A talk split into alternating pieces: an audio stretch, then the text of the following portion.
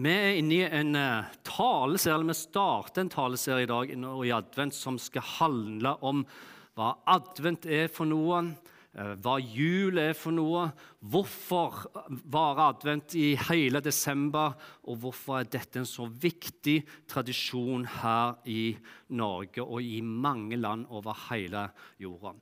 I dag skal det handle nettopp om tradisjoner. Det skal handle om juletradisjonene som vi både gjør, og vi skal snakke litt om hva er dette for noe, dette ordet tradisjoner. Og Måten vi skal gjøre det er at vi skal gå tilbake en del år i tida.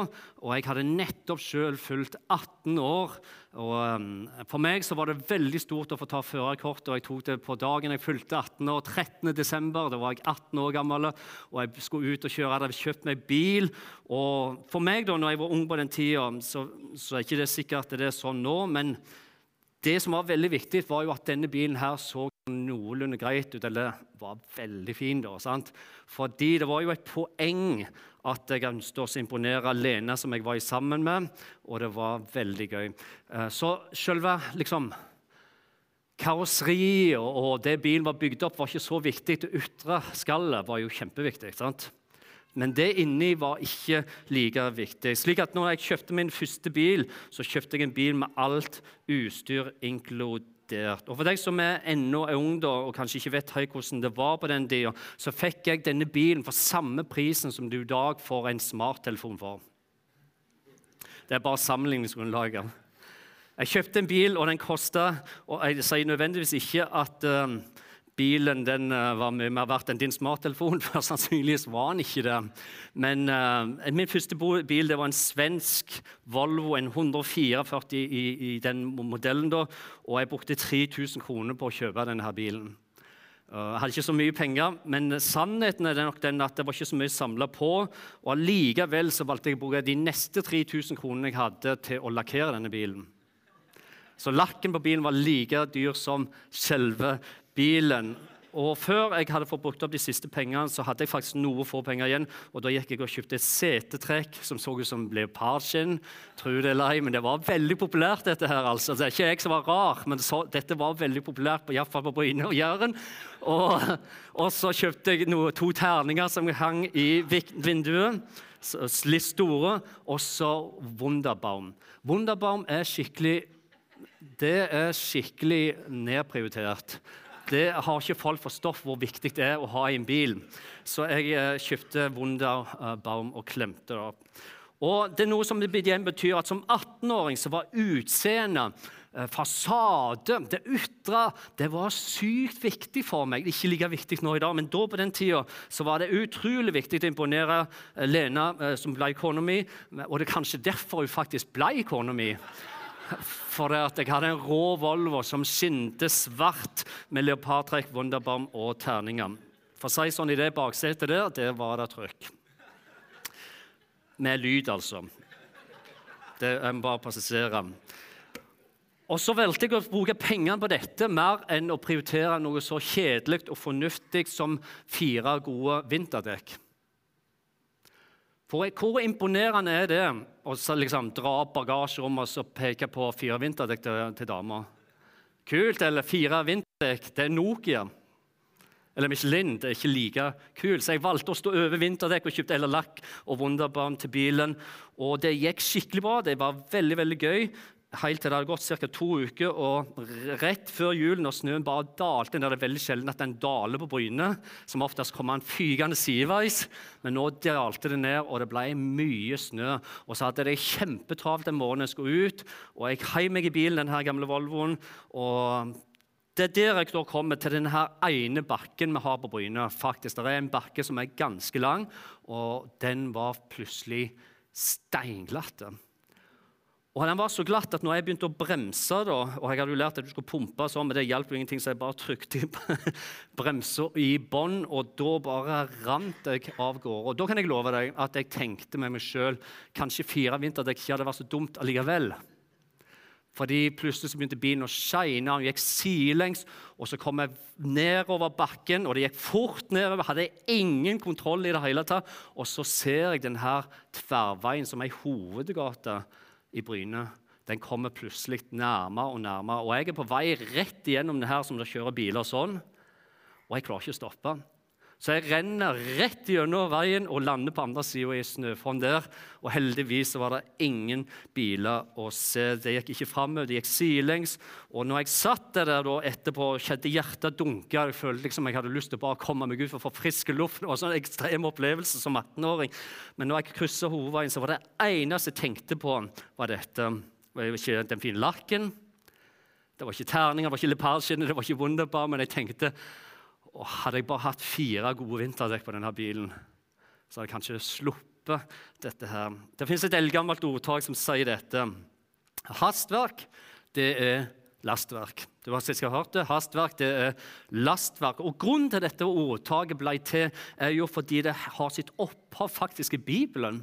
Og i Salmo ordspråk der det står dette her Den flittiges planer gir alltid vinning, men hastverk fører bare til tap. Så Der har du ordtaket henta fra Bibelen, hastverk, eh, lastverk. Og det her da, i adventstid og adventstradisjonene som vi har Jeg tror at eh, Gud ønsker å si noe veldig, veldig viktig i den tida vi er i nå, i advent, til alle oss som lever her i dag. Og det handler om tradisjon å gjøre. Og det handler om hvordan vi tenker om tradisjon, hvordan vi behandler vår tradisjon.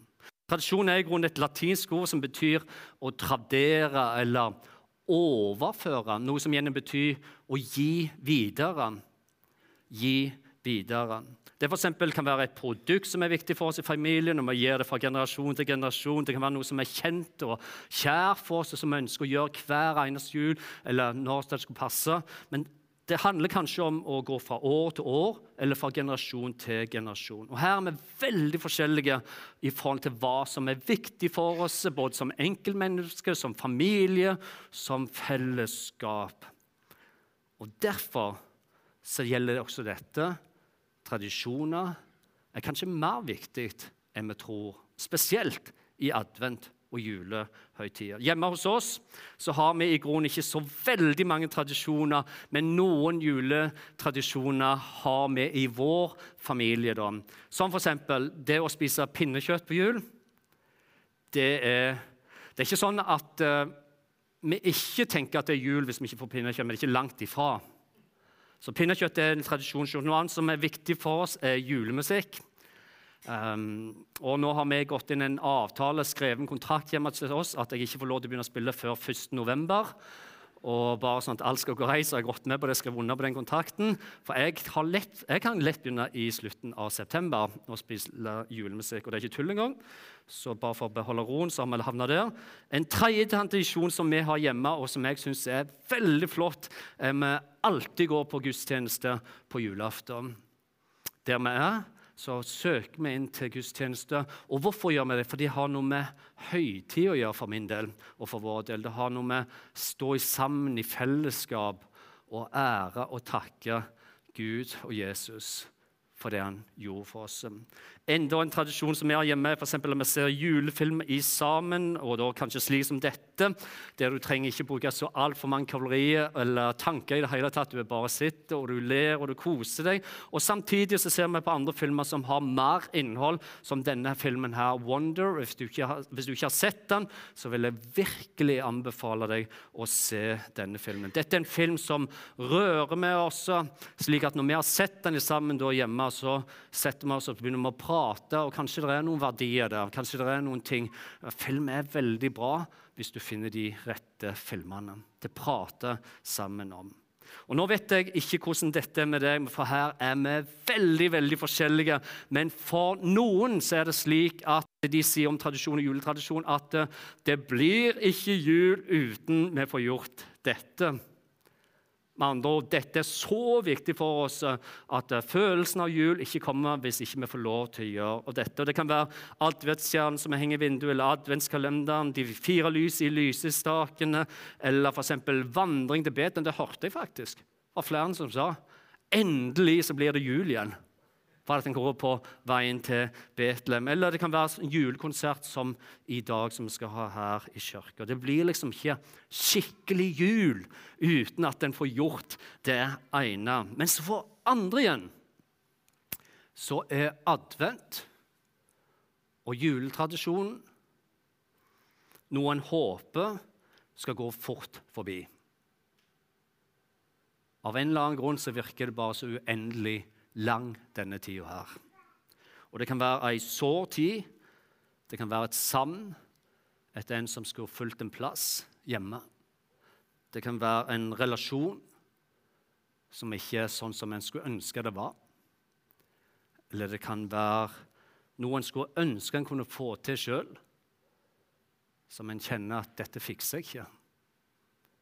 Og advent og juletradisjonen kan for mange utarte seg nesten som et mareritt. Da tradisjon nødvendigvis ikke er noe en ser fram til, men heller vekker noe i oss som etter nyttår forsvinner igjen, men som hver jul kommer fram. I Bibelen og i Gamle testamentet så finner du 16 bøker da, som omtales som de profetiske skriftene. Og En av disse skriftene er Jesajas bok. Og 736 år før Kristus, før Jesus kom ned til jord som et barn, i en vanskelig og utfordrende tid i Juda, som eh, ligger der Israel er i dag. Og Det var vanskelig fordi de hadde hundrevis av år med undertrykkelse av asyrerne og flere andre. Og Da bøyde en mann seg i tempelet, og mannen han heter Jesaja. og Han går i kne i tempelet fordi at de skal be for han, og han blir innsatt og han blir kalt til å bli en profet for Gud. Og etter dette, her, så gikk Jesaja, som Ole Georg snakket om i dag, og som han henter fram flere verser i dag han, Jesaja, som skrev disse versene, han gikk rundt i Juda og han profeterte til folket om det som skulle komme. Og Sentralt i alle Jesaja sin profeti er dette at han oppmuntrer folket til å bremse ned, til å velge vårt hastverk til å søke Gud, finne hvilepuls, slik at de ikke glemte hvem de var, og ikke miste hvor de kom fra. Og En av profetiene Jesaja fikk, og som han skrev, var om denne her. For et barn er oss født, en sønn er oss gitt. Ja, Herreveldet lagt på hans skulder. Han har fått navnet underfull rådgiver, veldig Gud, evig far og fredsfyrste. Og han snakker om Jesus som skulle komme over 700 år før det skjedde. Når Jesus over 700 år senere skulle identifisere seg for første gang Dette er litt interessant. Men når han virkelig skulle stå fram for første gang som eh, menneske og som Guds sønn, så er det nettopp Jesaja sin profeti han velger å avsløre hvem han sjøl er for første gang. Da han tar skriftrullen i synagogen, og Jesus leser opp det som Jesaja har skrevet. og Der står det dette, og han snakker om seg sjøl. Herrens ånd er over meg, for han har salvet meg til å forkynne et godt budskap for de fattige.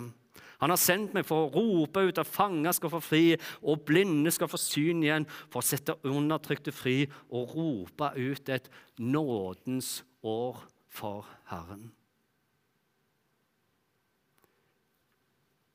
I Bibelen og i De gamle testamentene så finner en, som jeg sa, 16 ulike profetbøker, det profetskrifter. Og Felles for alle disse profetene er at de var kalt av Gud til å være salt og være lys i mørket. De var kalt av Gud til å hjelpe mennesker til å finne den dypeste um, erkjennelse og plass i livet. De oppmuntrer folk til å bremse ned, til å søke Gud og finne hvilepuls, slik at de ikke sklei bort og mista hvem de var, og hvor de tilhørte. Og Om det er noe som jeg kan si om disse profetene, så er det dette at de alle hadde tre ting til felles. Alle profetier og profetene hadde dette. Tre ting til felles. Og Nummer én var dette.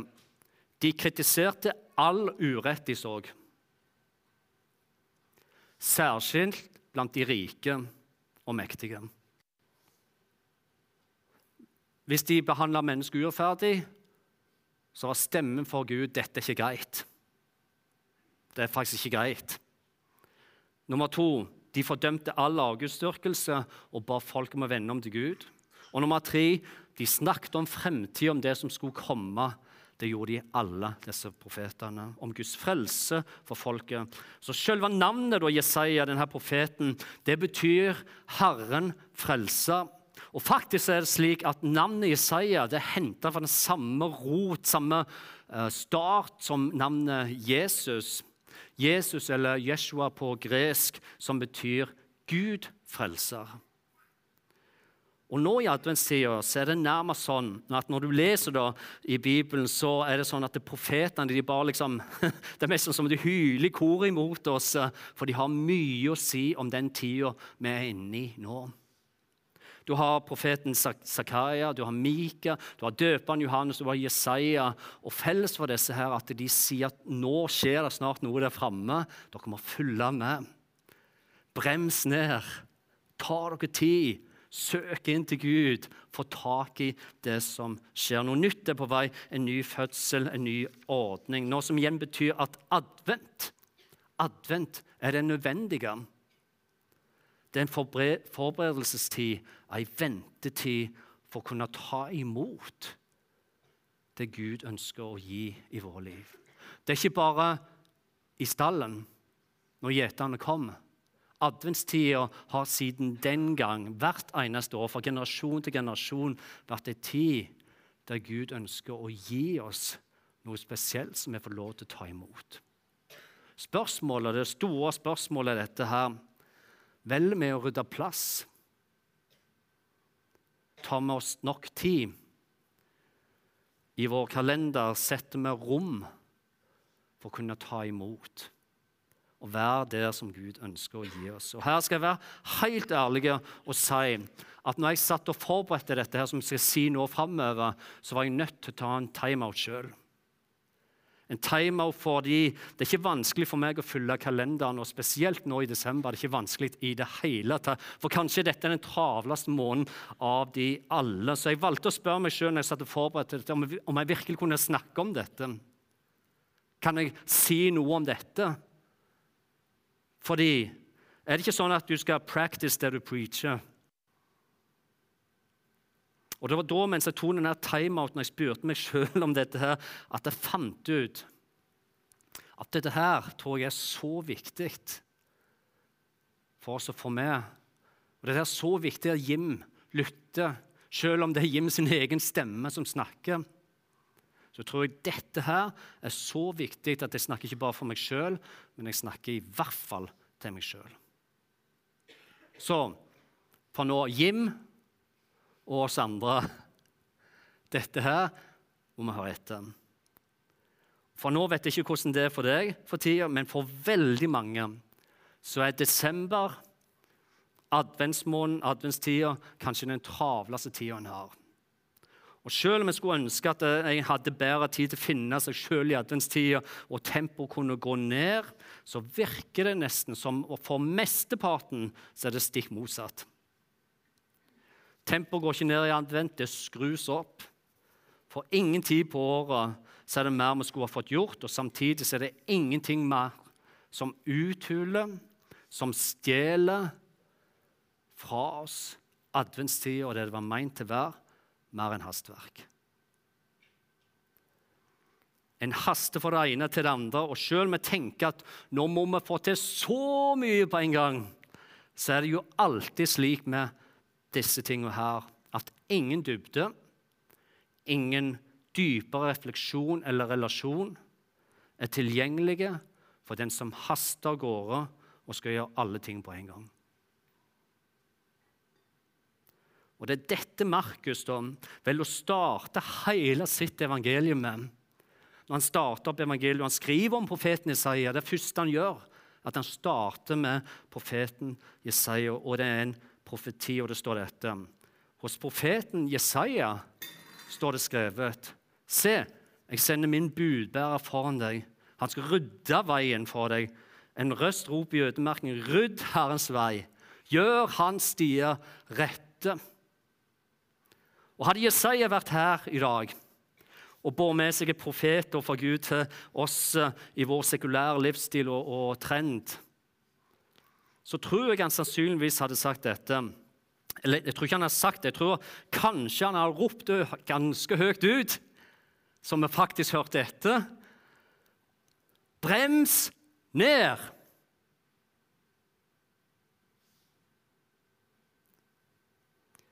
Nå er det på tide å bremse ned. Søke Gud, finne hvilepuss, slik at dere ikke sklir av gårde. Glemmer hvor, hvem dere er, og mister hvor dere kommer fra. For adventstida er jo opprinnelig ei tid for å bremse. Adventstida er et ryddeprosjekt. Rydd plass for Gud. Rydd plass i kalender, i ting og tang og tang. Start med Han. Ta bort det som er i veien. Det er grunnen det adventstida er her for. For å søke til Han. Ei travel adventstid er i grunnen en selvmotsigelse. Jo, hastverk det fikser kanskje det ytre, det som får oss til å skinne, det som er fint på utsida, og det syns å være veldig viktig for oss å skinne kanskje ekstra mye i adventstida. Men det fikser nødvendigvis ikke det som er dypt, dypt lengtet og trenger i vårt liv. Det som gir oss trygghet, stabilitet, hvile, fred, en dypere kjærlighetsrelasjon der du kjenner du er akseptert, inkludert, du er elska. Dette har hastverk aldri hatt med seg. Så hastverk og adventstida er i grunnen selvmotsigelse. Men det vi skal være enormt takknemlige for til slutt, er dette her. At adventstida er en veldig, veldig god tradisjon. Og Heldigvis så kommer den tradisjonen til oss hvert eneste år. Jeg sier heldigvis så kommer han til oss hvert eneste år. Men aldri for at vi skulle gjøre det til en kommersiell vare en uvane fullt av hastverk, ei adventstid der det ytre blir viktigere enn det indre livet. Nei, adventstida, grunnen til det er en god tradisjon, er fordi dette er en gave gitt fra Gud til oss mennesker, slik at vi skal få tid til å bremse ned. Finne hvilepuls. Sette Gud i sentrum og lytte til hans stemme. Rydde plass i livet. Ta bort hastverk, slik at vi kan få gjøre plass til Herrens vei med våre liv. Adventstida er en tid for å bremse ned, søke Gud, finne hvilepuls, slik at vi ikke bare sklir av gårde ukontrollert, glemmer hvem vi er, og mister hvor vi kommer ifra.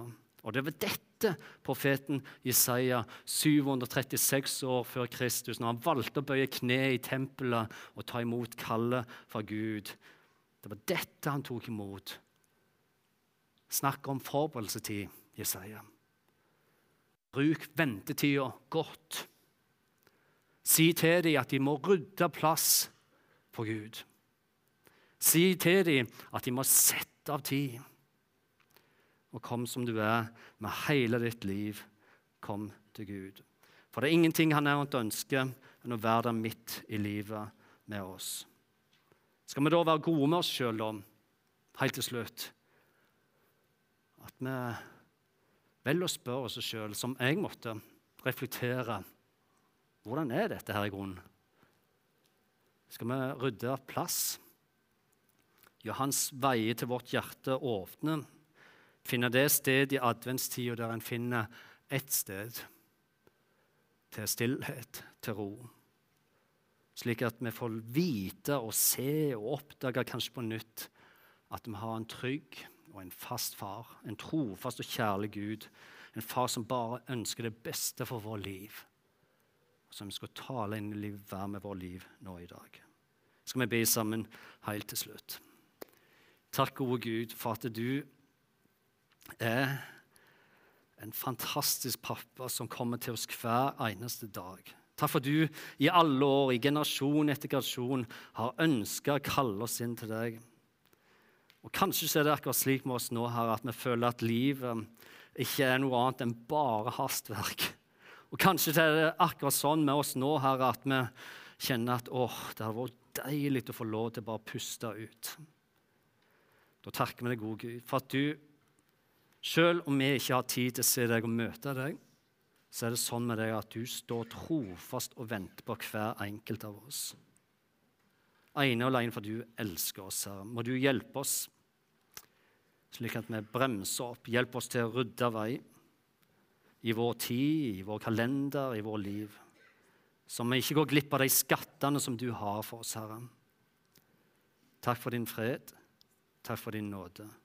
Takk for din trofasthet. Takk for at du ikke bare ser på vårt ytre, men det er dypt i vår indre liv.